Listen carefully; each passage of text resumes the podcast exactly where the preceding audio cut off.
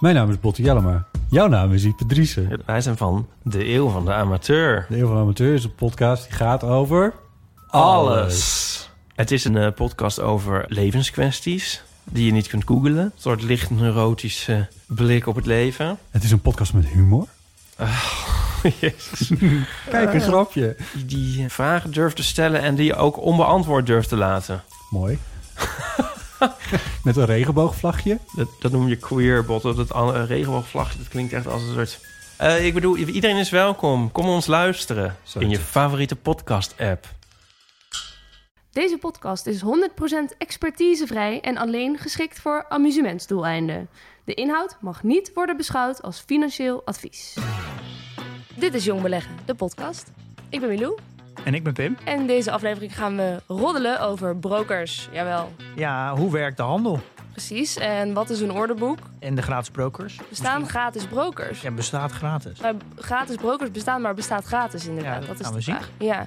En we hebben het over je strategie. Eh, we gaan het hebben over GameStop en de short squeeze. Ja, en over ja, revoluties in het algemeen en fakkels en hooivorken En door nog wat transacties. Oh, en je hebt de transacties gedaan, inderdaad. Oh, en natuurlijk, niet te vergeten, hebben we weer een gast. En dat is Paul Wicht. Die kun je kennen van aflevering 33. Ja, Ja, eh, aflevering op niveau. precies. Over opties, nou ja, futures. En die termen gaan ook voorbij komen in deze aflevering. Dus weet je nu al niet meer wat het precies was? Luister eerst nog een keer even 33. En dan gaan wij nu beginnen.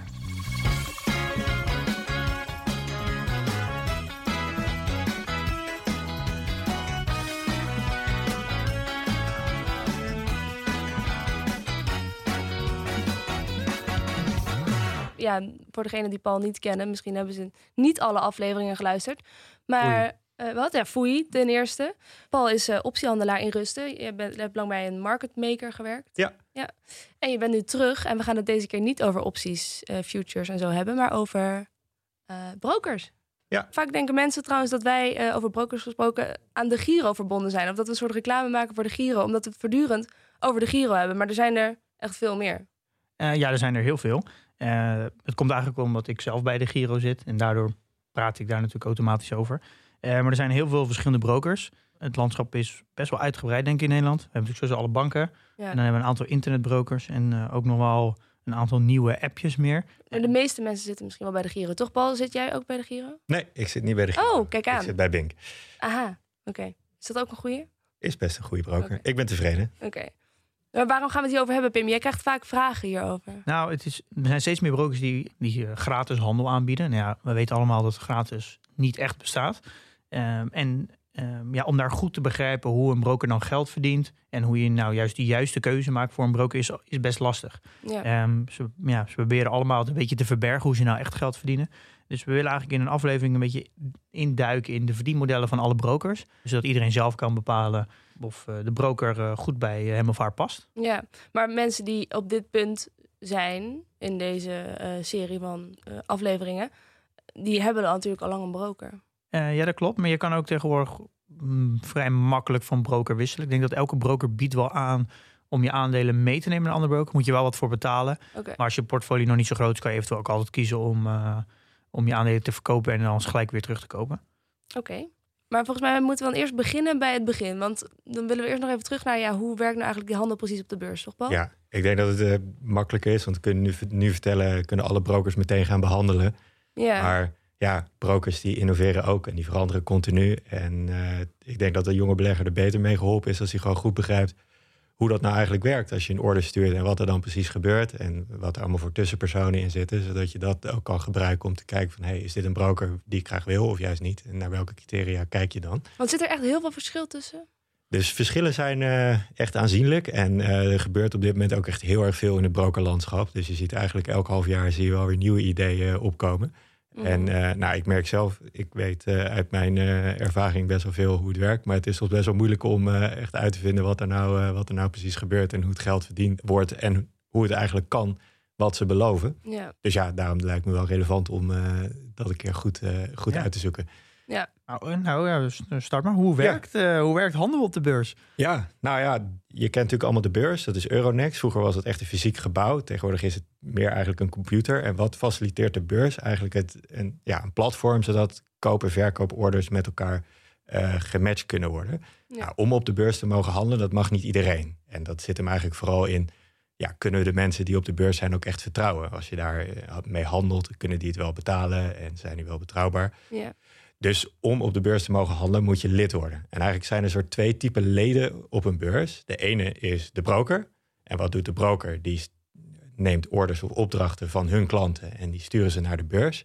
Maar die handelen zelf niet. Mhm. En je hebt market makers of dealers. Nou, die handelen niet in opdrachten van klanten, maar die zijn eigenlijk tegenpartij voor de orders die, eh, die daar liggen. Nou, we gaan er zo nog even, Tegenpartij, oké. ja, we gaan er zo nog even wat dieper op in hoe dat dan eh, precies werkt. Ja, oké. En banken die zijn vaak allebei. Dus nou, een bank als, als Goldman Sachs die is vaak broker en wel Ja. eh, market maker op Maar hetzelfde het houdt dus eigenlijk in, als particulier kan je dus niet zelf de beurs op. Daardoor heb je een broker nodig en die biedt het eigenlijk voor alle particulieren aan. Zodat Ja. je niet zelf een lid te worden hoeft. van- eh, Precies. En die broker die kijkt ook of jij een goede klant bent, of jij een bankrekening hebt, eh, wat je ID is. En, eh, Ja, die moet, zich, eh, die moet zich verantwoordelijk gedragen of jij wel jou, echt jouw geld belegt en dat je niet aan het witwassen bent. En, Precies. Ja. Maar, maar ondertussen zijn ze niet heel selectief of zo. Ik heb niet het idee dat de broker waar ik zit, de Giro, helemaal weet wie ik ben en helemaal garant kan staan voor mij. Weet je, wel. ik heb ja. Nee, maar als je iets fout doet, dan krijgt de broker de schuld en dan eh, hè, van de beurs de- en niet de beurs. De beurs heeft zelf hele, ja, het is gewoon best wel lastig om lid te worden. Ja. Heel veel formulieren, heel veel checks, heel veel compliance waar je aan moet voldoen. Je moet gereguleerd worden door de AFM en eh, ja, dat kan je van elke, niet, niet van elke, elke particulier verwachten dat hij dat, eh, dat, hij dat doet. Dus Nee. dat is inderdaad wat een broker dan voor je doet. Ja, Nou, dan wordt er dan op de beurs wordt dan heel veel gehandeld. Ja, die handel, dat zijn eigenlijk alleen maar afspraken van die heeft dat gekocht van die, die hoeveelheid in die prijs. mhm. Je hebt aan het eind van de dag een hele lijst met eh, transacties. Nou, wat er dan moet gebeuren is dan moeten de aandelen van partij 1 naar partij 2 gebracht worden. En eh, er moet het geld overgeschreven worden. En dat wordt gedaan door een eh, clearingbank. Dat noem je clearing en settlement. Ook daar zijn verschillende partijen. Elke member van de beurs heeft dus ook een account bij een bepaalde clearingbank. ABN AMRO is daar bijvoorbeeld een hele grote. Die doet de clearing van eh, over de hele wereld. Maar het kunnen ook andere investmentbanks zijn. Mhm. Nou, en dan die aandelen. Ja, vroeger had je die aandelen zelf. Eh, Dat betekent dus ook dat in het echt, als je een aandeel gekocht hebt, dan duurt het nog steeds drie dagen voordat je die ook echt hebt. Want die moest dat- verzonden worden via de post of zo. Vroeger ging inderdaad iemand met een koffertje met die aandelen naar die partij. Nou, die drie dagen zit er nog steeds in qua regel. Maar tegenwoordig worden die aandelen op een eh, ja, Central Securities Depository eh, bewaard of een custodian bank. En daar liggen dan die stukken, zoals dat dan heet. dan daar ligt, daar ligt bewijs wie aandeelhouder is van wat. ja, Waar, waar liggen die van mij? Kan ik dat achterhalen? eh, dat zou de Giro je kunnen vertellen, ja. Oké, grappig. En dat, dat maakt ook eh, gelijk het, voor een particulier heel veilig, omdat namelijk de stukken waar jij aandeelhouder ben- van bent, die zijn los van de broker. Precies. Dat maakt het ook juist heel veilig. Als de broker failliet gaat, wat altijd kan gebeuren, dan gebeurt er in principe dit- niks met jouw stukken. Ja, en dit is eigenlijk voor elke broker als, je, als het gaat over aandelen. Ja. Ja. En je hebt soms ook geld staan bij je broker. En ook daar is het belangrijk dat een broker dan een bank is, want dan valt het onder het depositogarantiestelsel. Dus de eerste 100.000 euro in Nederland is dan gegarandeerd door de overheid. Als je broker geen bank is, ja, dan kunnen ze ook die dienst niet aanbieden. Dat hebben ze eigenlijk best wel goed geregeld. Dus, dus de, eh, de stukken waar je eigen- eigenaar van bent, staat los. Het geld wat je nog niet belegd hebt, staat los. En dan heb je eigenlijk de, het bedrijf zelf, de broker. Dus het zijn eigenlijk drie losse stukken. Ja, zo wil je wel dat het, eh, dat het is. Ja. Ja. Niet elke broker heeft dat inderdaad zo geregeld, maar daar komen dan. eh, Daar komen we zo Ja, denk ik ja. op. Ja. Dus ja, wat je natuurlijk als belegger wil, is dat dit proces goedkoop en veilig en, eh, en snel verloopt. Dus eh, Het proces van aandelen kopen, ja. ja, Ja. dus dan voor de, voor de veiligheid heb je veel toezichthouders. Zoals nou, in Nederland is de AFM, in Europa heet dat eh, ESMA. Maar elk land heeft inderdaad ook zijn eigen toezichthouder. De Nederlandse toezichthouder is vrij streng. Omdat de kosten laag is, doordat er veel concurrentie is. Dus nou, brokers concurreren met elkaar. Nou, dat kunnen we allemaal zien. Die zitten allemaal te stunten met tarieven. Eh, Ja. Voor de dealers, de market makers, daar staan er ook heel veel van op de beurs. Die proberen ook allemaal te concurreren voor de beste prijs. En hoe meer er zijn en hoe slimmer die dat doen, hoe goedkoper de transacties voor de belegger dus gaan worden. Ja, Eh, maar ook clearingbanken die concurreren met elkaar voor de, voor de goedkoopste tarieven. Daar Ja. zou als belegger nooit zoveel van merken, maar dat is aan de brokers en market makers om dat in de gaten te houden. Ja. Eh, en beurzen zelf. Vroeger waren beurzen inderdaad nationaal. en Die hadden één tarief. Dus die beurzen stonden dus, hè, zoals een Euronext of een Deutsche Börse. Eh, maar ja, in de laatste jaren zijn er ook heel veel andere beurzen tussen gekomen. Die dingen gewoon slimmer deden en daardoor lagere Ja. tarieven konden bieden. En heb je een voorbeeld van die beurzen die ertussen zijn gekomen? Ja, Chi-X, Bats Chi-X is bijvoorbeeld een bekende. Die is opgericht door een aantal market makers, ik denk een jaar of tien geleden. Inderdaad in protest eh, van de hoge tarieven van eh, bestaande beurzen. Eh, die hadden vaak nog een fysiek gebouw en handelsvloer en dat soort dingen. Ja. En Chi-X was bijvoorbeeld alleen een computer. Dus die konden dat veel goedkoper En doen. Ja. Wat voor aandelen kan je daarop eh, op kopen? In principe alles wat ook, Ook- op Euronext eh, is, ja. En, Oh, oké. en ook daar is het dan weer afhankelijk van... dan is het tarief van de beurs misschien lager. Maar je wil natuurlijk ook dat daar ook veel market makers zijn. Hè? Ja, ja, ja. En Ja. eh, goede brokers die hebben ook bijvoorbeeld een smart order router, zoals dat heet. Die gewoon steeds kijkt van op welke beurs is en het laagste tarief. En zijn er genoeg market makers om ook de goedkoopste spread aan te bieden. Ja, oké. Nou, Maar daar gaan we, dan wordt het al vrij technisch, Ja. denk ik. Ik snap denk ik wat je bedoelt, want hoe meer market makers, hoe minder spread er is. Dus hoe Ja. minder verschillen ertussen. Maar is dat heel belangrijk om dat nu te snappen ook? Of kunnen we dat ja, ik denk wel dat het goed is om even te weten hoe een- Oké. zo'n orderboek werkt. Van, nou, je stuurt een order en wat je dan zegt is van nou, ik wil voor eh, ik wil 10 aandelen Shell kopen voor een bepaalde prijs. Nou, dan ga je naar de beurs en de beurs faciliteert een orderboek. Nou, hoe moet je dat voorstellen?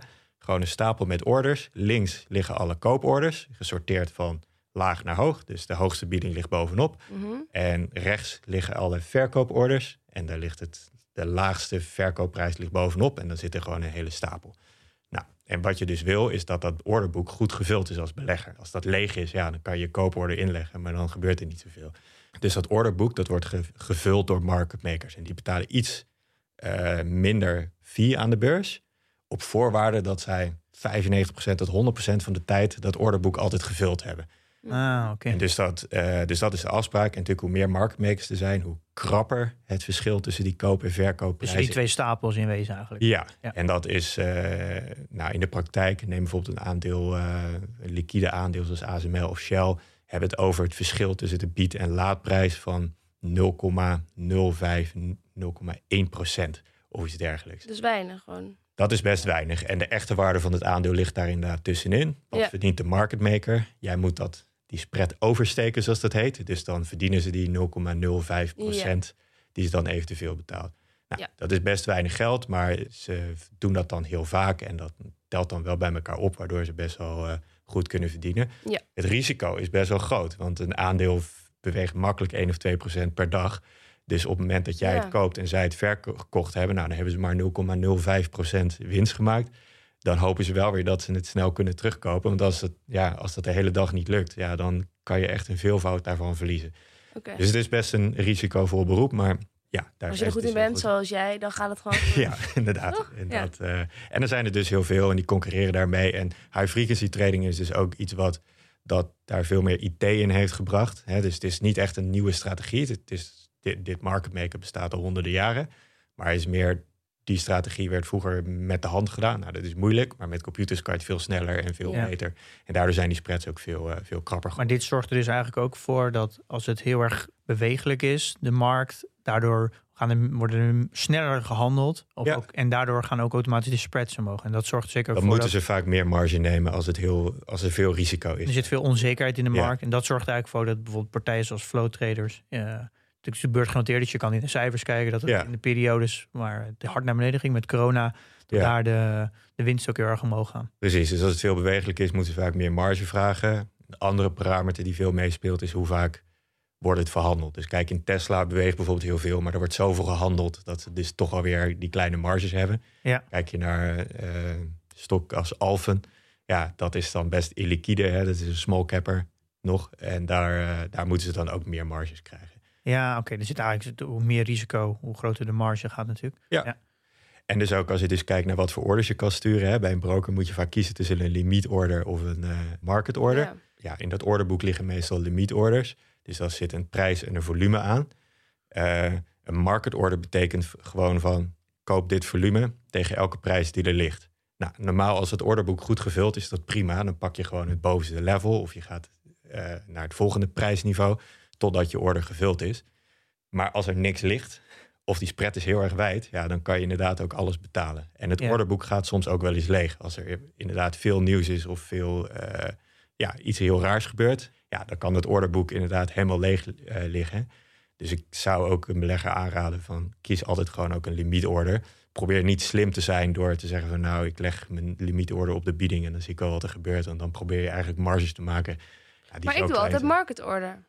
Ja, dat zou ik niet aanraden. Dus ik zou altijd een limietorder sturen die niet te gierig is, zoals ik het zeg. Dus Ja. zorg gewoon wel dat je meteen je order krijgt. Want ik denk niet dat je als belegger zelf moet proberen het spelletje van de market maker te spelen. Daar heb je helemaal de IT-systemen niet voor.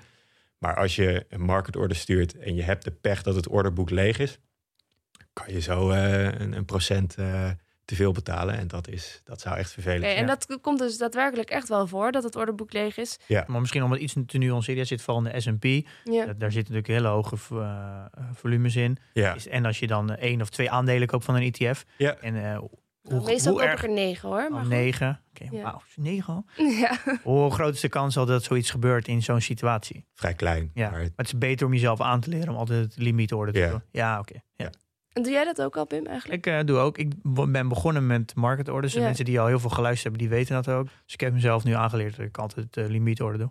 Ja. Ik heb ook wel eens verhalen gelezen dat iemand dan, vooral mensen die dan een marktorder doen, maar die willen heel veel kopen. Maar ja, dan ga je natuurlijk een soort van het hele orderboek af. En dan kom je op een gegeven moment ook echt op een hele hoge prijs uit. Ja. Eh, dat is denk ik vooral als je hele grote orders doet. Dat je, dan moet je eigenlijk Ja. wel limietorde Want doen. dan koop je dus niet eh, de aandelen van één prijs alleen maar, maar je gaat het hele orderboek door. Dat, ik wist niet dat dat zo werkte. Ja, nou kijk bijvoorbeeld naar eh, wat vorig jaar gebeurd is. Dat onze minister van Financiën, die wilde een flink aantal eh, aandelen Air France KLM kopen.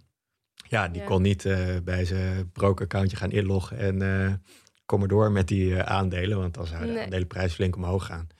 Dus die heeft daar inderdaad ook een bank voor gebeld. En die, gaan daar, die nemen daar ook flink de tijd voor. Dus die knippen het in kleine stukjes en die doen dan kleine limietorders en zo Oké. bouwen ze dat eigenlijk op. Maar als het dus even samenvat van nou, wat betaal je nou als belegger? Je wil een aandeel hebben. Ja. Je moet die eh, custodian moet je betalen, je moet de beurs betalen, je moet de eh, Custodian is de... dat is waar dat bewaardepot. Ja, je moet de precies. clearingbank betalen. Ja. Je moet de spreadkosten, hè, dus dat verschil tussen bied- en laadprijs. Eh, dat is dus je moet de market maker betalen. Ja, en je moet de broker betalen. Hè. Die is ook zijn, zijn kosten, dat lidmaatschap van de beurs, eh, zijn website, zijn personeel, zijn, eh, ja, en al die dingen die hebben ze allemaal nodig. Daar, daar ontkom je dus echt niet aan. Dat, dat is er gewoon. Eh, Precies. ja. Dus je kan eh, inderdaad, als je dat daarop wil bezuinigen, moet het natuurlijk ergens vandaan komen. ja, dus dan betaal je eigenlijk ergens anders mee.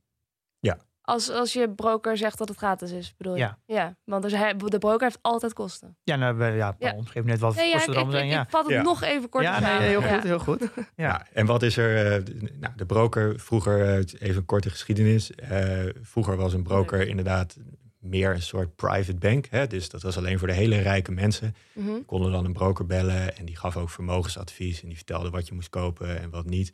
Maar dat was niet voor de gewone mensen. Toen in de jaren 70, 80 is de discountbroker opgekomen. Die zei van, nou, dat hele advies en die klantrelatie laat allemaal maar zitten. Het enige wat we gaan doen is ordertjes schuiven. Waardoor eh, ja, de kosten heel erg omlaag zijn gegaan. En het beleggen dus ook beschikbaar werd voor een veel groter eh, groep aan mensen. In Amerika is het ook begonnen. En Ja. op een gegeven moment ook gewoon banken dat gaan doen.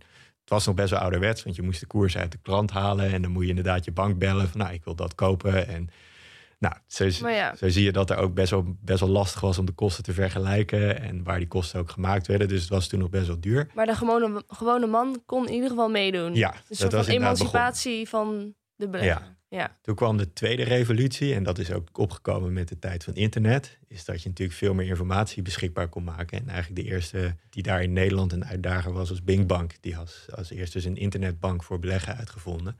En die heeft dus, eh, kon dat ook tegen veel lagere kosten doen. En heeft dus ook de banken, de grootbanken daarin uitgedaagd. En die hebben toen ook hun tarieven moeten verlagen en moeten investeren in betere beleggingswebsites. En eh, nou, dat is best wel een revolutie geweest, waardoor beleggen eigenlijk weer beschikbaar werd voor een nog grotere groep mensen. Ja. En de derde revolutie, daar zitten we nu eigenlijk middenin. Mm. Eh, en dat is wat je ziet, is dat nu eh, het gratis beleggen en het eh, app beleggen heel erg opkomt. Dat zie je nu allemaal. Nou, in Amerika heb je dat met, eh met Robinhood. En dingen als Peaks en zo, van eh, dat appje van de Rabobank, dat je als je koffie koopt, eh, je overige Ja, bedragen precies. Er zijn echt heel veel ideeën om eh, beleggen dus weer Dat is- dat is- toegankelijker ja, maar dat is trouwens niet gratis, hè, Pieks. Dat is niet Daar gratis, nee, maar wel van die, van die Maar grappige dat maakt het wel toegankelijker. Ja. Ja, nou ja, maar gratis handel is natuurlijk wel, gegeven met wat net ik allemaal verteld heb, hoe werkt dat? Hoe kan handel inderdaad gratis Ja, zijn? Wat is inderdaad echt gratis? Nou, er zijn eigenlijk twee grote stromen daarin. En de eerste is, de, en dat is waar eh, gratis handel vandaan komt. En dat is wat je in Amerika ziet. Wat er eigenlijk gebeurt, is dat de broker biedt inderdaad handel zonder brokercommissie aan.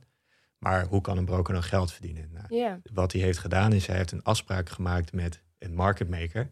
Die zegt van nou, ik heb hele goede flow. En wat is goede flow voor een market maker? Ik had al uitgelegd dat het best wel veel risico is. Een market maker is vaak bang voor orders daar heel veel informatie in zit. Van hele slimme beleggers die precies weten wat ze doen.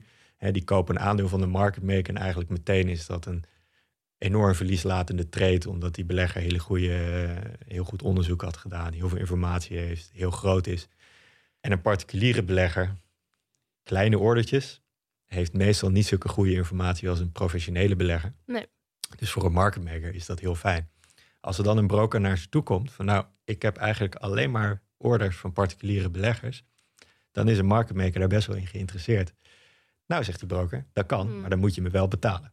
Oké. Die zegt eigenlijk dat een market maker wil eigenlijk een soort van domme tegenstander hebben. Een minder slimme tegenstander. En dat vindt hij in particuliere beleggers. Ja, En daardoor is eigenlijk de, een hele een, ja, flow van orders van particuliere beleggers dat een broker heeft. Ja. Eigenlijk daardoor voor een market maker een soort van kassa. En want Ja. dat is een tegenstander waar hij graag tegen speelt. Precies. En eh, in Amerika is dit niet de standaard. Dus beleggen is in die zin gratis. Niet gratis, want je betaalt nog steeds de spread.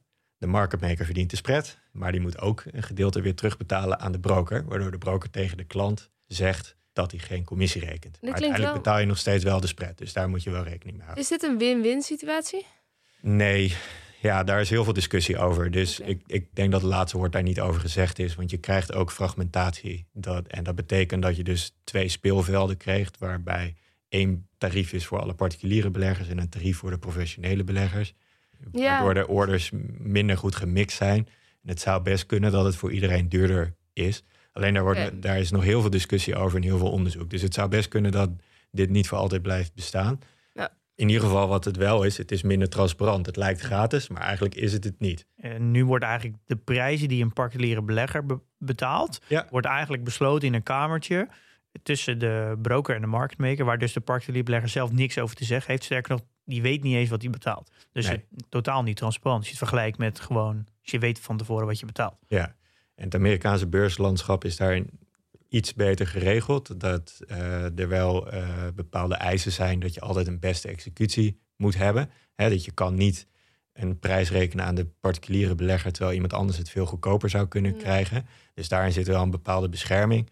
Maar er is gewoon nog heel erg veel discussie over. Oké. Gaan we dan naar Nederland? Daar is dit gewoon verboden. En dat komt door het provisieverbod. En dat is ingevoerd eh, ja, na de financiële crisis, waarbij bleek dat, nou, kijk bijvoorbeeld naar de hypotheekmarkt, waarbij bepaalde adviseurs bepaalde hypotheken aanraden aan klanten. Niet omdat dat het beste voor de klant was, maar omdat die adviseur door de hypotheekverstrekker werd betaald om Ja. die eh, hypotheek aan te raden. En hetzelfde geldt voor vermogensbeheer. Die zeggen, nou, je moet naar dat fonds. Niet omdat dat fonds het beste voor de belegger was, maar dat was het beste voor de adviseur. Mhm. Ja, dus de kickback fee, die is er eh, Inderdaad. in Nederland helemaal uit. En toen heeft Nederland gezegd, we gaan dit verbieden, we willen dit gewoon transparant krijgen. Ja. Je moet als, als adviseur moet je gewoon zeggen van dit reken ik als kosten voor mijn advies. En dit is wat de vermogensbeheerder rekent. eh, en dat halen we uit elkaar, zodat de klant daar veel betere kosten in Ja. kan maken. Nou, dat betekent ook dat dat gratis handel trucje uit Amerika hier in eh, Nederland niet kan werken. Nee.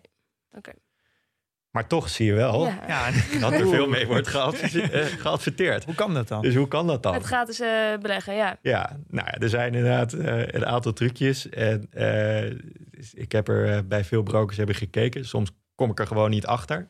Want laten we Dat vind even ik al heel lastig. doornemen. Wat zijn bijvoorbeeld apps of brokers die zeggen... wij doen het gratis, je hebt bij ons geen kosten. We kennen Bux, we kennen Plus 500, we kennen Trading 212. Ik denk dat dat de drie bekendste zijn. Denk ik. Ja, eToro. Oh ja, Itoro hebben we nog, ja, Ja. vier. Ja. Oké. Daar zie je ook heel veel YouTubers daarmee eh, Ja, adverteren of in ieder geval reclame maken. nou, er zijn een aantal trucjes. Zoals ik zei, er zijn heel veel partijen die je moet betalen als je je transactie wil doen. Hè? De clearing, de marktmaker, Ja. broker enzovoort. Nou, ik heb ook wel uitgelegd dat die allemaal wel een functie hebben om te zorgen dat het veilig verloopt. Nou, een, de bekendste truc is eigenlijk van, we gaan gewoon die allemaal eruit snijden.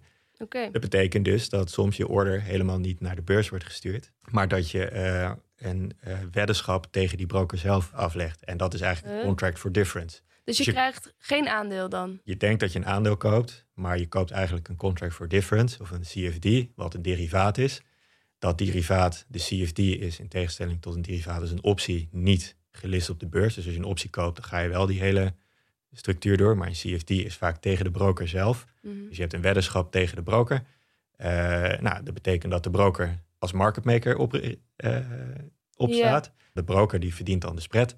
Die kan dan zeggen, ik reken geen commissie, maar je betaalt hem in principe gewoon in, in de spread. Ja, maar er is er geen concurrentie van, door andere market makers. Dus het is een soort zou best van... kunnen dat die spread een stukje wijder is dan... Ja, want eh, die heeft geen, geen competitie. Want Nee. hij heeft een omgeving gecreëerd waar hij alleen zelf meespeelt. precies. Dan kan je, kan je ook nooit verliezen. Nou, je kan ook wel verliezen, want je loopt natuurlijk wel de risico's als een marketmaker. Maar je hoeft, eh, ja, er zijn weinig prikkels om hem zo scherp te stellen als op de beurs. Ja. Ja. Ja. want hij reageert natuurlijk wel op de daadwerkelijke koers. Dat kan niet bedacht worden natuurlijk. Nee, dus je bent, eh, nou ja, Nou ja, je kan is, spread gewoon weet ik weer... eigenlijk niet of daar veel controle op is. Dus het zou best kunnen dat Oh. die vertraagd zijn. eh. Ik heb wel eens Dat gezien dat, eh, ja. je op plus 500, dat is trouwens een aantal jaar terug, ik weet niet of dat nog kan. Maar dan kon je aandelen kopen in BMW op een dag dat de Duitse beurs dicht was. Ah. Oké. En ze, zien, ze bieden dat ook vaak in de avonduren aan en dan buiten de beurstijden om. Dat is ook best wel gevaarlijk, want Ja. vaak baseren ze het prijs van de CFD op de, op de prijs van het onderliggende aandeel. Maar na half zes is de beurs gewoon dicht. Ja. En dan moeten ze iets anders bedenken. Nou, het eerste wat ze natuurlijk weg. doen is dat ze die spread heel wijd maken. Om het risico in te dekken. Ja, En Ja. je krijgt dus niet eens daadwerkelijk het aandeel. Nou, er dat komt niemand met een koffertje. Dat is nog eigenlijk het belangrijkste punt. Want je bent dus eigenlijk niet aandeelhouder, echt aandeelhouder. Is dat duidelijk hebt- voor degene die, dat, eh, die, de- die zo'n broker hebben? Denken zij dat, het, dat ze daadwerkelijk een aandeel krijgen? nou dat is wel iets waar je heel kritisch op moet zijn. Van krijg je Ja. inderdaad echt het aandeel? En eh, sommige van die gratis brokers die bieden inderdaad wel het aandeel. Maar dan eh, verzinnen ze bijvoorbeeld een ander trucje. Dus bijvoorbeeld, eh, Mhm. wat ik ook heb gezien. Het voelt een beetje als roddelen dit. Ik In Nederland Ik vind het wel leuk, ja. heb je een provisieverbod. Maar er mogen ook brokers zijn die in Nederland actief zijn. Maar die staan niet onder toezicht van de AFM. De Nederlandse, die dus vrij streng is. Maar onder een buitenlandse toezichthouder. Zoals bijvoorbeeld op Cyprus of Israël of, eh, of Duitsland. ja. En als daar geen provisieverbod geldt, dan kan je dat gebruiken om toch zo'n Amerikaanse constructie op te zetten. Dat is misschien nog wel goed om te zeggen. Dat je denkt namelijk aan Duitsland. Is betrouwbaar. Dat zit goed in elkaar. Maar als het nou, de laatste tien jaar wel bewezen heeft dat Duitsland op het financieel gebied niet altijd te vertrouwen is. Eh, Nou, echt? Ja, dat is nieuws voor mij. nou ja, de Duitse AFM, ik weet even niet welke dat exact is, maar die, ja, die doet het de laatste tijd niet heel goed. Nou, ze zijn natuurlijk helemaal nat gegaan met Wirecard. Oh ja. Eh, nou ja, heel veel schandalen ook in Duitsland. En de regels die wij in Nederland hebben zijn veel strenger dan in Duitsland. Eh af, weer van mijn perspectief af de afgelopen jaren is dat Duitsland het niet heel goed doet op financieel gebied. Eh, en dat je er ook niet zo snel vanuit moet gaan dat het in Duitsland allemaal maar zo goed geregeld is. Mhm. maar dit is wel wat er dus gebeurt. Ik, eh, eh, dat we denk ik wel goed moeten kijken bij een broker van onder welke toezichthouder valt hij nou. En er zijn niet heel veel brokers die volgens mij onder de AFM vallen. Want we hebben dan de Bink valt denk ik onder de AFM, de Giro. Ja. En natuurlijk alle Nederlandse banken. banken. En Ja, dat zit volgens, Nee, links niet. Die Nee. valt onder een Engelse eh, regulator. ja, volgens mij eh, Trading eh 212 ook, denk ik. En Bugs? Wel onder de AFM hè? Dus die, eh, maar de Bucks, eh, daar heb ik ook naar gekeken. Die biedt eh, wel eh, dat je het echte aandeel krijgt. Maar Mhm. niet alle orders zijn gratis. Dus in Amerika kan je wel gratis handelen. Nou, we weten nu ook hoe dat werkt. Eh, en in Nederland kan je alleen onder bepaalde voorwaarden gratis handelen.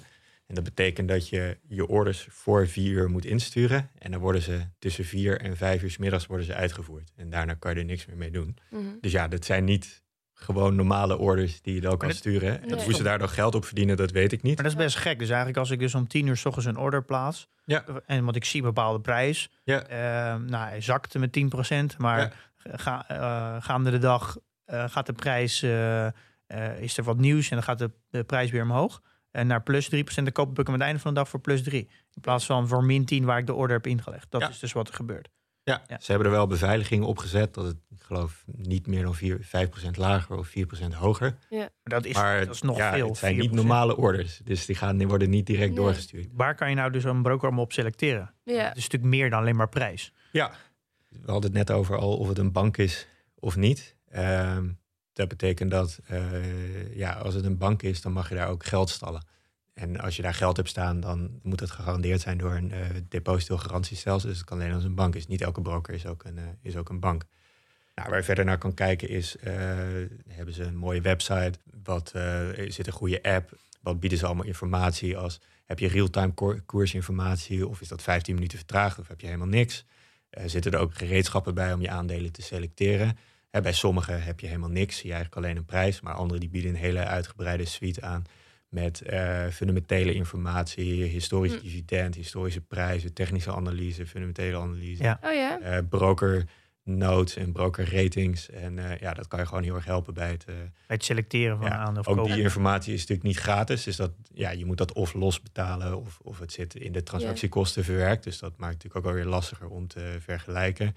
Sommige brokers doen heel van educatie, waarbij je heel veel webinars hebt, waar je hele Wikipedia, waar je gewoon ja. veel over beleggen kan leren. Waarom heb jij Bink gekozen? Omdat dat, die heb ik al heel lang. Die was toen inderdaad qua tarieven een, een, een goede uitdager vergeleken met de banken. En ja, ik ben tot die tijd eigenlijk heb ik geen grote reden gezien om, uh, om nee. te wisselen. En nee. ik denk dat uh, Bink het qua, qua interface nog steeds uh, behoort nog zeker tot, uh, tot de betere in de markt. Ja, nou jij stuurde wat screenshots, zag er heel goed uit. Wel veel meer dan meer informatie dan je hebt bij de Giro. Ja. Ik heb zelf ook bij de Rabobank gezeten, helemaal, helemaal op het begin. Daar ben ik eigenlijk begonnen. Nou, ja. Daar zit ik als, uh, als bank en dan ga je automatisch daar ook een beleggingsrekening openen. Voordat ik uh, zo wijs was als nu. Ja. nou ja, maar daar, dat is, nou ja, Rabobank staat niet bekend om de meest technologische innovatie. dus die app nee. werkt ook echt voor geen meter en je ziet ook helemaal niks. Uh, en dat was voor mij eigenlijk al in de grote reden om, om eigenlijk weg te gaan. Omdat je gewoon niks ziet. De app werkt niet fijn. Nee. Uh, het kopen van orders werkt heel omslachtig. En dus de interface is ook wel een, uh, vind ik ook wel een belangrijk onderdeel in je beoordeling. En moet je nou ja. per definitie wantrouwig worden als het gratis is? De ja, broker? ik vind van wel. ja, ik denk dat je gewoon heel goed moet begrijpen wat er gebeurt. En als ik het niet snap, dan ben ik eigenlijk al heel voorzichtig. Dus net als met aandelen kopen, je moet wel goed snappen hoe het bedrijf werkt. Ja, inderdaad. En ja. uh, kijk, ik, in, als je het vergelijkt met supermarkten, kijk, je, je hebt inderdaad sommige supermarkten zijn duurder dan andere. Maar als je bij een goedkope supermarkt binnenloopt, dan zie je dat alles in dozen staat. En in een andere supermarkt, dan ziet het allemaal heel mooi uit. Dan denk ik, nou, ik snap wel waarom hè, de een duurder is dan de ander. Ja. Maar als, dat niet, als ik dat niet snap, dan ja. denk ik, ja, er klopt iets niet. Ja. Ik heb mijn gevoel zegt heel erg dat als je net begint, heb je vaak weinig vermogen, weinig, je belegt weinig. Ja. En dat naarmate je meer vermogen krijgt, verschuift ook een soort van de urgentie om het meer te snappen. En dat je het, het klinkt misschien gek, maar als je 100 euro belegt, dan denk je, nou, wat maakt het uit? Uh, want het risico is 100 euro. Maar als je natuurlijk 50.000 euro belegt, dan word je wel iets kritischer. Dus ik kan, kan me wel op zich begrijpen dat heel veel mensen starten met dat gratis beleggen. Uh, ja. En naarmate ze wat serieuzer gaan beleggen, wel denken, nou, dit voelt niet helemaal goed. Ja. Uh, ik ga dan toch over naar een misschien wat serieuzer uh, broker. Ja. en innovatie is natuurlijk ook heel goed. Hè? Dit, het is goed dat die huidige brokers steeds worden, worden uitgedaagd. Want als, ja, als ze zitten te slapen, dan heb je slapende klanten. Dat is natuurlijk heel fijn. En er zijn best wel wat dingen, en zeker voor kleinere beleggers, die ik best interessant vind. En dat is bijvoorbeeld dat fractioneel beleggen. Want ja, als je een. Uh, we zeggen allemaal van in deze podcast dat je jong moet beginnen en dat je veel moet leren. Maar ja, als je 100 euro te besteden hebt, dan wordt het gewoon best lastig. Want je koopt, uh, je koopt twee aandelen, je betaalt 10 euro transactiekosten. en je staat dan meteen 10% in de min. Yeah. Ja, succes. en natuurlijk, die 10 euro transactiekosten, die betaal je ook als je 5000 euro erin legt ja, dan maakt het inderdaad niet zoveel uit. Maar ja. ja, voor een beginnende belegger wordt het dan heel lastig. En als je Ja. dat in fractionele aandelen kan doen en het is inderdaad gratis, eh, ja, dan kan je wel op veel jongere leeftijd leren. Alleen ja, als je kijkt hoe het werkt, ja, er zitten natuurlijk wel risico's in Ja. qua regulering. En als de broker failliet gaat, heb je dan wel echt die aandelen of heb je ze niet? Want je kan toch, Ja. als je een, een, een fractie van een aandeel koopt, dan kan je nooit aandeelhouder zijn. Dan koop je altijd een. Nee, want het is het bedrijf wat bepaalt Ja. hoe groot dat aandeel is. En dat heeft de Giro natuurlijk dan wel slim opgelost door te zeggen: we hebben een kernselectie waar, we dus, waar je dus één keer in de maand gratis kan handelen om de startende beleggers op gang te helpen. Ja. Met het idee, denk ik, dat als je eenmaal dit doet een paar jaar, dan bouw je een, een grotere portefeuille op. Ja. En dan ga je misschien ook eens een keer een los aandeel kopen. Ja. Eh, of je koopt iets buiten de kernselectie en dan eh, gaan we wel verdienen. Precies, dus dat soort innovatie voelt- dat eh, voelt dan- ook heel goed. Maar dan begrijp je het. Hè? Dat het voelt wel eerlijker, omdat ze Ja. bewust een soort van korting geven om, om jou als beginnende belegger op gang te helpen. Ja, Ja. ja. kortingsacties zijn inderdaad goed te begrijpen. Ja. En dan heb je dus het andere wat we zeiden is dat je dus de market maker laat betalen voor de order. Dus dat is eigenlijk al iets minder transparant. Eh, en het andere verdienmodel zit inderdaad door mensen in de derivaten te sturen. Ja. En dat zijn dan de CFD's, waarbij de broker zelf als marketmaker optreedt. Ja, Of turbo's, waarbij het geld ook weer op een andere manier wordt verdiend. Nou, dan ben je aan het lenen natuurlijk. Geld- dan ben je geld aan het lenen en daar kunnen ze dan een rente voor vragen. Dus ja, Mhm. sommige brokers vinden dat ook heel fijn. En dat merk je ook wel dat als je kijkt naar de educatie, hè, dat eh, probeert een broker mij een goede belegger te maken, of probeert hij mij Geld af te troggelen. die derivaten in te sturen, zodat Ja. ik zoveel mogelijk ga handelen en eh, de hele tijd eh, gemotiveerd Ja. worden om dingen te doen die eigenlijk niet zo Ja, verstandig ze zijn. stimuleren je naar waar voor de broker de, de hoogste marge zit. Ja. Dus ze gaan je Ja. naar, de, naar, naar het goud sturen voor hem. Ja. Wil jij nog wat zeggen over de, de brokers die we allemaal hebben?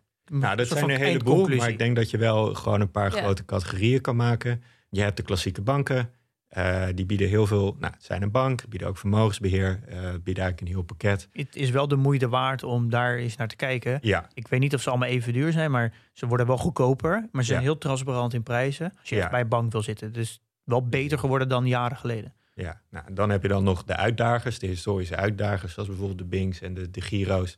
Maar hoe groter die worden, hoe meer die ook beginnen. Nou, hoe meer de banken zijn op hen gaan lijken. En zij zijn ook wat meer op de banken gaan lijken. Zoals bijvoorbeeld Ja. een, eh, een Bink. En in de Giro's, ze zijn wel overgenomen laatst. Dus eh, Bink door eh, Saxo. En eh, de Giro door eh, Flatex. Mhm. Ja, en dan de laatste categorie. Dat zijn eigenlijk de meest moderne uitdagers. Ja, die zitten soms, eh, hebben ze echt iets innovatiefs bedacht. En soms zit de innovatie meer in de dingen waar ik mijn twijfels over heb. Zoals het, eh, de CFD's en de turbo. Ja. Bij Ja. het modi- verdienmodel gewoon minder eh transparant Of de interface zo maken dat je, dat je niet door hebt dat je naar de dure ja, producten de gaat. bekendste Amerikaanse daarvan is bijvoorbeeld Robin Hood. Maar eh, ja, je hebt ook dingen als... eh, Die waren laatst ook negatief in het nieuws, hè, Robin Hood? Toch? Was jij, jij stuurde daar iets over door. Nou, ze hebben zelfs de, het gebouw waar Robin Hood zit, daar hebben ze ook een, een balie, een klantenservice. En daar hebben ze het kogelvrij glas of kogelwerend Oh ja. glas hebben ze daar geplaatst. Nou, dat zegt al genoeg over hoe dat bedrijf in elkaar zit qua businessmodel. Dus dat er gewoon heel veel mensen echt goed nat op gaan. Ja. Eh, dus dat- Wow. Ja, ik denk... Ze verwachten gewoon dat mensen ze komen neerknallen. Dus. Dat, ja, nou ja, dat zegt al genoeg, omdat het, Ja. heel veel mensen snappen niet wat ze doen en raken daardoor, dus, denk ik, bij veel geld kwijt en dat Ja. dus mensen in paniek raken. Ehm, ja, dit is wel een, voor, in ieder geval persoonlijk zou ik denk altijd voor een broker gaan die onder de AFM valt. Ik heb best wel vertrouwen in de Neder- Nederlandse autoriteit op dat gebied. Eh, dus ik hou ook wel in de Ja. gaten wat er met de Giro gaat gebeuren nu FedEx het over heeft genomen. Of de Giro niet uiteindelijk ook onder de Duitse regels gaat vallen. En dan eh, vind- ja, ga ik er wel anders naar kijken. Eh, en ik denk ook dat eh, ja, het is gewoon niet zo fijn om, om te wisselen van broker. Kost ook wat extra geld. Je moet de regels allemaal overnemen of je moet alles verkopen en kopen.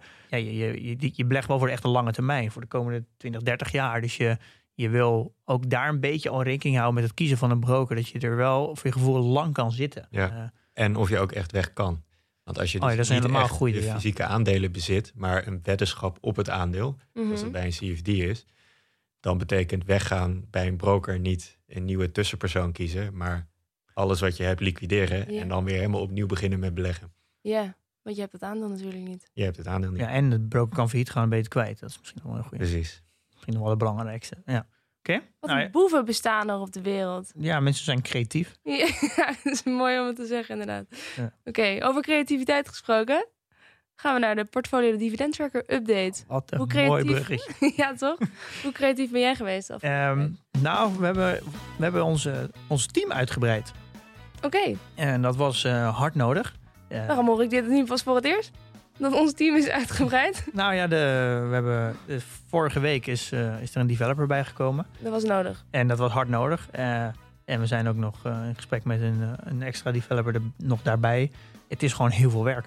Eh, het gaat goed. Het gaat de goede kant. Maar het kan altijd sneller. Het kan altijd beter. En ja, het, landschap van development is heel breed. Je hebt natuurlijk echt heel erg de data en de, en de backend. Dat wordt Mhm. heel technisch. En je hebt meer de voorkant. Dus hoe ziet het eruit? De interface. De interface. En dat, daar zijn ook weer spe- specialisaties in. En we proberen eigenlijk het team op development iets uit te breiden. Zodat we iets meer specialisaties hebben. Eh, en dat Ja, gaat heel goed. Ja. En, maar daardoor hebben we wel alle code eh, en, en alles moeten documenteren. Want je kan. eh, ja, je moet een beetje zien alsof je met meerdere mensen een boek gaat schrijven. Kijk, als je in je eentje een boek schrijft, dan zit alles in je hoofd. Hoe formuleer je alles en wat is een beetje de tone of voice. En, maar als je in één keer een, een extra schrijver erbij haalt, ja, dan, kan je, dan moet je samen afspraken maken. Want ja, je kan niet zeggen, nou, je schrijft jou hoofdstuk 1 en jij hoofdstuk 2 en dan plakken we het bij elkaar. Nee. Je moet van tevoren afspraken maken over Welke praat je in ik voor? Om even de, vanuit de derde persoon. Nou ja, heel veel regels. En dat moet je dus documenteren. Daar moet je afspraken over maken. Dus we hebben ook heel veel tijd besteed om die afspraken te maken en dat te documenteren, zodat het klaar is om met meerdere mensen aan te werken. Dit zorgt er allemaal voor dat, eh, ja, dat we gewoon een beter product kunnen bouwen. Dat het veiliger is, dat, als, dat het allemaal eh, ja, wat stabieler is. Dus Ja. een goed fundament dat we er lekker veel verdieping op kunnen bouwen. Dat klinkt verstandig. En we hebben een hoop vrienden erbij gekregen. Ja, een heel hoop vrienden. Hoeveel? Eh, 149. Of is dat een beetje koket omdat... eh, Ja, misschien moeten we dat niet meer doen. Oké, 149. Dit was de laatste keer. Eh, Misschien moeten we het gewoon overslaan. nee, we gaan dat niet overslaan. We moeten ze even bedanken. Ja, bedankt, maar het aantal moeten we over over. Voortaan slaan we het aantal over. Oké. Heel veel dank, jongens, dat jullie eh, weer um, en masse ja, vriend van de show zijn Ja, geworden. het is, eigenlijk. het is heel, eh, blijft bijzonder. Ik blijf ik zeg het elke week. We zeggen het elke week Ja. en het blijft ook bijzonder. We Ja. blijven het waarschijnlijk ook nog wel even zeggen. Ja, zeker. Ja. Oké, en dan gaan we naar het nieuws. Ja, we hebben vorige week eh, uitgebreid ge- gehad over eh Just Eat Takeaway. Mhm. En ik ben van het weekend een beetje op Twitter eh, gaan duiken. En dat is mooi als je dan eh, zoekt op eh, elke ja, soort van ticker. Kan je op eh, eh, Twitter invoeren en dan kan je zien hoeveel, waar mensen op reageren. Ja. Als ze dat symbool gebruiken. Eh, het grappige is dat je dus nu heel erg ziet dat heel veel mensen reageren. Wat zijn er in één keer veel oranje eh, scooters en zo Ja, in Londen. De oranje tassen. Eh, ja. Dus ik ben wat mensen gaan volgen eh, en een beetje in de gaten gaan. En Jitse die reageert ook op, op sommige mensen. En het is wel grappig dat er een influencer, een eh, YouTuber, een fashion YouTuber, die in gesprek is gegaan met Jitse Groen. Ik heb de link ook op de website gezet. Eh, en die vertelt eigenlijk van dat een ja, dat er haar favoriete restaurants er nu en wel bij zitten. En dat ze Ja. overal oranje jassen ziet staan. Er staat een keer een rijen van 30 bezorgers bij restaurants. En, en hij reageert daar dan op. En het, het, eh, het is wel leuk om te zien dat ehm, ze kondigen aan als bedrijf dat ze een strategiewijziging gaan doen. En je ziet de kracht, de executiekracht. Het wordt gewoon echt in een, eigenlijk in een, gewoon een klein weekje, ja. zie je gewoon het daadwerkelijk effect. Nou ja, een fashionblogger die pikt dat natuurlijk op. Die denkt, hé, hey, nieuwe trend. Oh nee, het is Het valt op, ja. Het valt ook extra op. Nou, maar ja, maar wat- het is leuk om te zien dat dat in één keer dan zo Nou, het is, daadwerkelijk het, gebeurt. het is bijzonder, denk ik.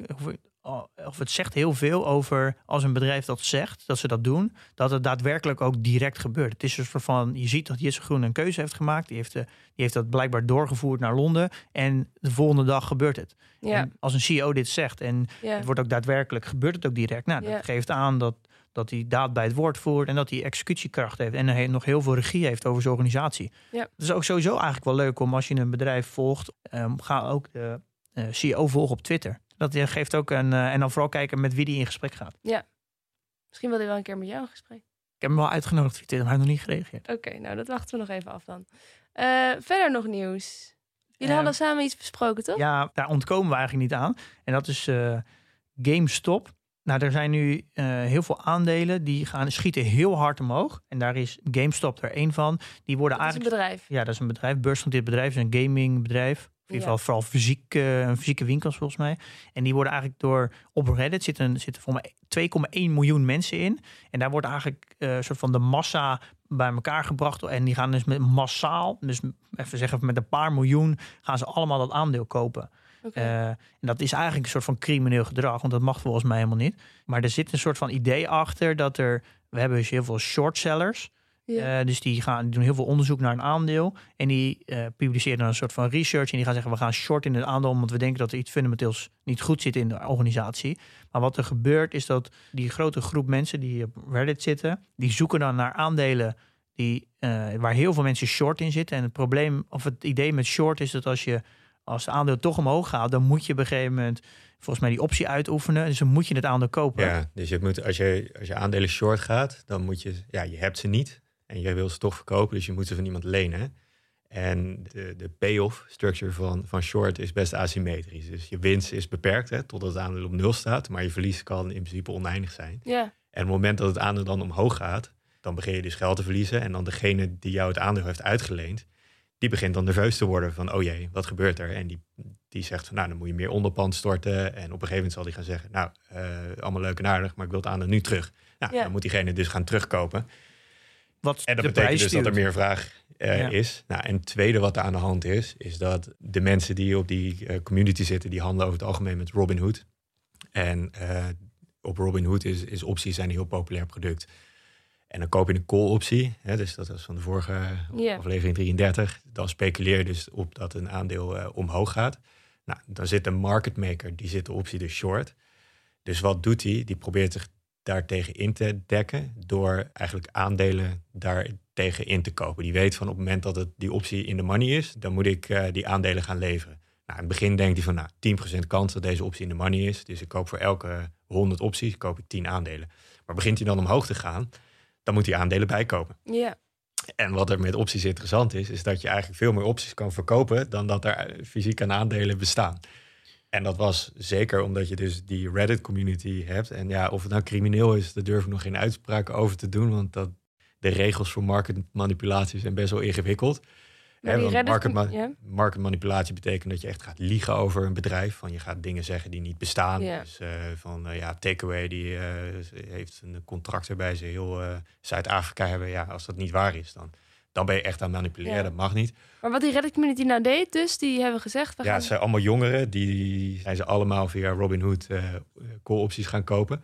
Nou, het is lachen. Nou, doordat ja, ze dat gewoon een allemaal soort deden, voor de grap. Net zoals we... moesten die market makers aandelen kopen. Waardoor het omhoog ging. Waardoor de shortsellers dus in de problemen kwamen. Waardoor de market makers heel veel moesten bijkopen. Nou, en voor je het wist, eh, Ja. ging dat aandeel 5000% omhoog. Het is eigenlijk een soort rellen. Het, En het Nou, is, deed ik- daar wel erg aan denken, ja. Ja. Nou, het is, eh, het, het, het- je, er ontstaat een soort van short squeeze dan. Dus het Dat heet de short squeeze. Ja, maar de, de- Hmm. er is wel, ik wil het wel wat nuanceren. Het zijn niet alleen maar jongeren. Het lijkt me met rellen ook dat er eh, hier heel veel jongeren zijn die, die meedoen. Maar er zit wel een soort van kern in die dit wel eh, mobiliseert en stimuleert. Eh, en dat gebeurt volgens mij op Reddit ook. Er zit wel een groep mensen die. Eh, die maar dat, is dat voor hun eigen gewin? Ja, tuurlijk, want die, die gaan zelf die positie innemen. En volgens wat ik zover ik het kon lezen, dat er een aantal mensen al in december zijn begonnen, in januari, om posities in te nemen.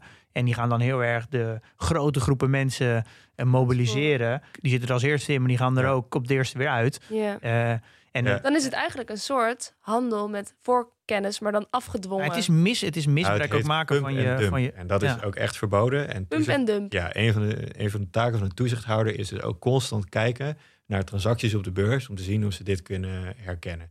En een strategie voor Ja. pump en dump is, je koopt een aandeel, vervolgens ga je op Twitter of op internet om te zeggen van nou, dit gaat fantastisch, dat gaat fantastisch. Eh, dat mag je zeggen, maar het moet wel waar zijn en realistisch. Is dat niet waar, maar dan, dan ben je aan het liegen, dus dan ben je crimineel bezig. Dan gaat het aandeel omhoog, dan denk je nou, mooi, en dan verkoop je het weer. Ja, maar wat er nu gebeurt is dat er heel veel influencers zijn Ja. die gewoon miljoenen bereik hebben. Die eh, heel grote groepen mensen gaan eh, mobiliseren om ook dat aandeel te kopen. Ja. Maar dat gebeurt in Nederland af en toe ook wel eens bij, die, bij de echte small caps. Bijvoorbeeld Beter en hele bekende van. Ik wil Ja. geen namen noemen, maar er zijn een aantal Nederlanders die hier wel bekend om staan. En ik denk dat ze allemaal, de meeste mensen wel weten. Die gaan heel erg eh, positie nemen en dan gaan ze heel erg eh, een achterban vertellen dat het aandeel goed is. Dus er zijn mensen die dit... Jij, Ja, dit- jij hebt namen, maar je gaat ze niet noemen. Nou ja, ik wil niet met ze aanvallen hier. Maar er is wel, zijn wel een aantal mensen, Nederlanders bekend die dit heel erg doen. Eh, en dit is natuurlijk, maar nu gebeurt het op een schaal, echt op een gigantisch grote schaal. Want volgens mij is GameStop is het meest verhandelde aandeel gisteren geweest. Boven Apple, boven Tesla. Dat is echt. Nee, het is een bedrijf dat in alle opzichten geen toekomst heeft. Want- Nee, zat En het is fysieke winkels, waarbij ze fysieke spellen verkopen. Dus het businessmodel moet... Ja. Er zat ook 40% short in, hè? Eh, Citron Research, dat is een hele bekende. Die publiceert Ja? ook al zijn research op Twitter. En die man, die heeft, ik weet niet, hij heet Left van zijn achternaam. Die heeft kinderen ook. En die zijn, heeft gewoon bedreigingen gekregen dat hij niet meer mag praten over hoe negatief GameStop is. En zijn kinderen zijn bedreigd. Hij zijn allemaal ze eten bij hem thuis bezorgd in massaal. Dat ze om, om hem te pesten. Dus het, het, je merkt wel, het, het gaat echt, het, het gaat wel de verkeerde kant op hoor. Ik vind het, Ja. ik vind het wel, eh, het is best wel zorgelijk hoor. Ik weet ook niet wat hier, wat hier nou gaat gebeuren. En het is heel moeilijk natuurlijk om iemand aan te pakken, want. Reddit is iedereen anoniem. Maar ik denk Het wordt wel, ook wel eh, gezien als deze Reddit community als 4chan found in Bloomberg Terminal. ja, Eh, waarbij ze inderdaad dat, dat platform ineens toegang heeft tot, tot de financiële markten. Ja, daar zal, zal nog wel een hoop discussie over komen. Ja. Ja. ja, ik denk dat je goed moet uitkijken met zulke soort aandelen. Dat als, het als je het omhoog ziet gaan, dat je wel gaat onderzoeken waarom komt dit. Eh ja, dit is eh, iets wat en, ja, wel goed is om, om dit te... Ik wist, wist het ook niet wat een short squeeze is. Zo leer je wel elke keer, elke keer wat bij. Ja, dit- fascinerend. Vind ik Ja? echt fascinerend. Ik, ja, ik merk wel dat ik heb wel het gevoel dat de financiële markt een beetje aan het veranderen is. Nou, überhaupt de wereld is aan het veranderen. Omdat je merkt dat er gewoon hele grote groepen mensen makkelijk gemobiliseerd worden, zich kunnen afzetten tegen autoriteiten. Het Ja. voelt dit ook een beetje Precies, dat een hele grote ik. groep mensen zich afzetten tegen de financiële sector. Dus je, dit merk je natuurlijk wel in heel, heel wereld nu een beetje. Eh, en dit vertaalt zich dus nu ook nu naar de, de, ja, naar de aandelenmarkt. Ja, Dus, eh, revolutie, jongens. Mooie vorken, fakkels door de straten. en ook hier. Ja, oké. Nou, tot zover dan het nieuws, denk ik, hè, jongens. Ja, laten we naar het eh, portfolio van Pim. Ja, want er is wat gebeurd, maar... nou, er is een heel hoop gebeurd. Ik heb Tesla verkocht. Oh, Ja, daar kunnen we eigenlijk al een hele aflevering over praten. Eh, en ik heb Ja. eh, PPL Corp verkocht. En ik heb eigenlijk de, de, het geld eigenlijk van de, de PPL Corp verschoven naar JP Morgan. Om het wel in de dividendhoek te houden. En ik heb eigenlijk de rest van, van eigenlijk het hele aandeel Tesla verspreid over, over eh, het is het, twee, of verspreid over zes verschillende holdings die ik al heb. Dus ik heb geen nieuwe holding aangekocht. Ik ga hier later nog een keer goed op in, want we hebben daar nu geen tijd voor. Eh, gaan we volgende week er dan op in? ja, ik Misschien kun je de hele aflevering volgende week hier Ik aan. zit over na te denken om volgende week even een, een soort van portfolio update Update. te doen. Dat we even wat meer tijd kunnen nemen om in een aantal aandelen te duiken. Nou, dat, ik denk dat je in ieder geval ook heel veel luisteraars er blij mee zou maken als je dat bij deze wil toezeggen. Eh, nou oké, eh, dat zeg ik dan toe. ja, ik voel je een beetje gedwongen, of niet? Nou gaan we volgende week iets dieper in. Oh, ik kan Ja. ook wel vertellen over waar- welke transitie ik doormaak als belegger. En eh, ja, Oké, ehm, wat is de algehele waarde? Oh ja. van je portfolio? Eh 194.800. Dus het gaat echt eh, met gigantische sprongen vooruit. Ja. Wat ik eigenlijk bijna een soort van vervelend vind. Dat klinkt heel raar, maar alles gaat veel te hard omhoog. En ja. Dat is gewoon soms gewoon, ik vind dat bijna vervelend. Dat aandelen gewoon veel te Echt hard. de hoogtevrees van. Ik vind het een, zelf een fijner gevoel als een aandeel gewoon elk jaar zo'n eh, ongeveer zo'n 10, 15 procent groei. En dan verplaatsen of verspreid over vijf jaar. Dus eh, elk jaar. En dat, dat vind ik, voel ik me veel fijner bij dan als een aandeel in een jaar tijd 100 procent groeit. ja. Eh, dan, ten eerste krijg je dan heel snel hoogtevrees. En dan de waarderingen lopen wel heel erg scheef met wat het daadwerkelijk waar, waard is. Heb en jij ik- dat ook? Ja, ja ik, eh, ik heb positie in, eh, in Clean Energy ETF. Die is heel erg gegroeid, zeker toen Biden eh, president van de Verenigde Staten werd. Maar nu gaat het wel heel hard. En Ja. dan krijg je daar toch inderdaad een beetje hoogtevrees van. En natuurlijk worden risicovolle aandelen worden gewoon een steeds groter stuk van je portefeuille. En dus neemt Oh ja. het risico van je hele portefeuille toe. Die winners zijn altijd leuk, maar eigenlijk eh, moet je dan wel gaan herbalanceren om te beoordelen dat het wel goed bij je strategie blijft Ja. passen. Gaan we naar de reviews. We hebben een audiobericht. En dit audiobericht is van Job. Hey Pim en Milou, Job hier. Thanks voor jullie gave podcast. Ik eh, heb jullie ongeveer een maandje geleden ontdekt en alle afleveringen inmiddels er doorheen gebinge luisterd. En er viel me één ding op. Eh, namelijk aan het begin van de podcast was Pim heel duidelijk op de lijn: ik koop mijn aandelen en ik hou ze 30 jaar vast. En dat is mijn strategie. Maar door de maanden heen lijkt het wel alsof eh, je steeds meer richting groeiaandelen bent gegaan, Pim. En dat het ook een steeds groter deel van je portefeuille lijkt op te maken. Is het nou zo doordat je steeds meer kennis hebt vergaard, je ook meer risico neemt? En is dat niet mogelijk een valkuil voor in de toekomst? Heel veel plezier met het maken en tot later. Doeg! Ja, dit is een, een, een hele goede vraag. En er zit eigenlijk zit, er zit heel veel gelaagdheid in die vraag. Dus ik kan Oh ja. eigenlijk alleen al over deze vraag kan ik volgens mij al een aflevering vullen. Ehm, en ik denk dat ik daar volgende week ook wat uitgebreider op terug wil komen. Oké. Ehm, maar het, het, nou, heeft eigenlijk heel erg mee te Je ziet gewoon mijn groei. Ik denk dat dit ook de kracht van de podcast is. Dat je ziet hoe ik groei en wat voor kennis ik vergaar. En dat ik dus, dus ook af en toe terugkom op de beslissingen die ik hiervoor heb genomen. Omdat ik gewoon meer inzicht heb gekregen. Ik denk ten eerste dat ehm, ik heb een veel te grote, grote spreiding in mijn dividendportefeuille. Daarom ga ik hem verlagen. Dus het idee dat je goede aandelen heel lang wil vasthouden, die, dat, dat staat in principe nog wel. Alleen ik heb gewoon heel veel aandelen gekocht eh, in mijn dividendportefeuille. Waarvan ik te veel gefocust heb op het dividend en te weinig heb gekeken, is het bedrijf echt goed? En neem bijvoorbeeld een IBM is een mooi voorbeeld, zit erin. Dat is een, op zich een prima bedrijf, maar het is echt geen topper. Eh, en ja, zulke soort bedrijven, ja, die kan je eigenlijk gewoon niet eh, 30 jaar vasthouden, want het omzet die zakt al af, eh, elk jaar een beetje. En daar ben ik heel erg in gegroeid. Ja. En een andere kant is dat ik eh, misschien wat te defensief zat. En daardoor verschuif ik iets meer naar groei. En dat komt ook om mijn circle of competence zit gewoon veel meer in technologie. En technologie is over het algemeen gewoon groei. En ik heb niet helemaal het gevoel dat, eh, maar dat is misschien wat naïef, maar dat ik ook meer risico neem doordat ik mijn portefeuille iets meer naar groei verschuif. Omdat ik namelijk de aandelen in groei gewoon veel beter begrijp.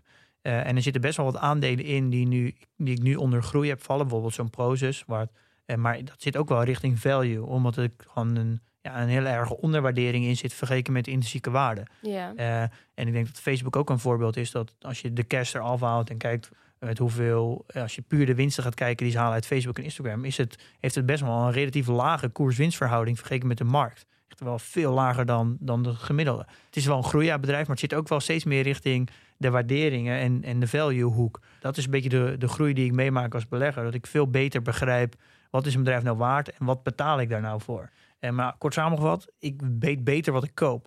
En daardoor voelt het dat ik minder risico neem. Ja. Ja. Ja. ja, dat is ook het leerproces. Ik denk dat dat de kracht maakt van deze podcast. En volgens mij hebben ze ook eens een mooie quote van een wijze man die verandert af en toe van, eh, van mening. Eh, ja, ik, ik ga- vergaar gewoon heel veel kennis. En eh, ja, zo pas ik eigenlijk ook constant mijn mijn gedrag aan. Hè, bijvoorbeeld Ja. een market order ben ik mee begonnen. Nou, onder andere door Paul ben ik nu naar een limiet order. Ja, dat zijn, is een klein voorbeeld, maar ja, Ja. zo vergroei ik en verander ik van mening. Voortschrijdend inzicht. Ja, en ik denk dat Dat. ik ben nooit uitgeleerd, maar ik kom wel op een punt dat, het, dat ik het langzaam wel een beetje uitgekristalliseerd heb hoe ik het wil. En dan zullen Ja. het kleine, steeds, de veranderingen steeds kleiner zijn. En hoe oninteressant zou deze podcast worden als jij niet meer af en toe van mening veranderde? Ja, nee, ja, heel saai. Maar dan is ook de tijd denk ik dat, eh, dat ik moet stoppen. Ja. Maar dat voorlopig nog niet aan Voorlopig nog niet, inderdaad. Nee. Oké. Ehm, ja, nou Paul, leuk dat je er was. Ja, nee, ja. Het is fijn om wat meer kennis in huis te Ja. hebben. Ja, zeker. Leuk, eh, veel nieuwe dingen gehoord. Ehm, ja, en wat, volgende week, wat gaan wij dus doen? We gaan het hebben over eh, jouw portfolio. Heb je eindelijk dat een beetje jij- tijd? Dat heb jij blijkbaar nu gecreëerd, ja? heb ik zojuist Ja. bepaald. Ja, dankjewel uh, Paul voor Ja. eh, deze hele duidelijke uitleg. Ik ben in ieder geval weer een hoop wijzer geworden. Ja, Graag gedaan. Leuk dat ik hier weer mocht komen. oké. Nou, tot de volgende keer. En eh, in de tussentijd, investeer in je kennis en beleg met beleid.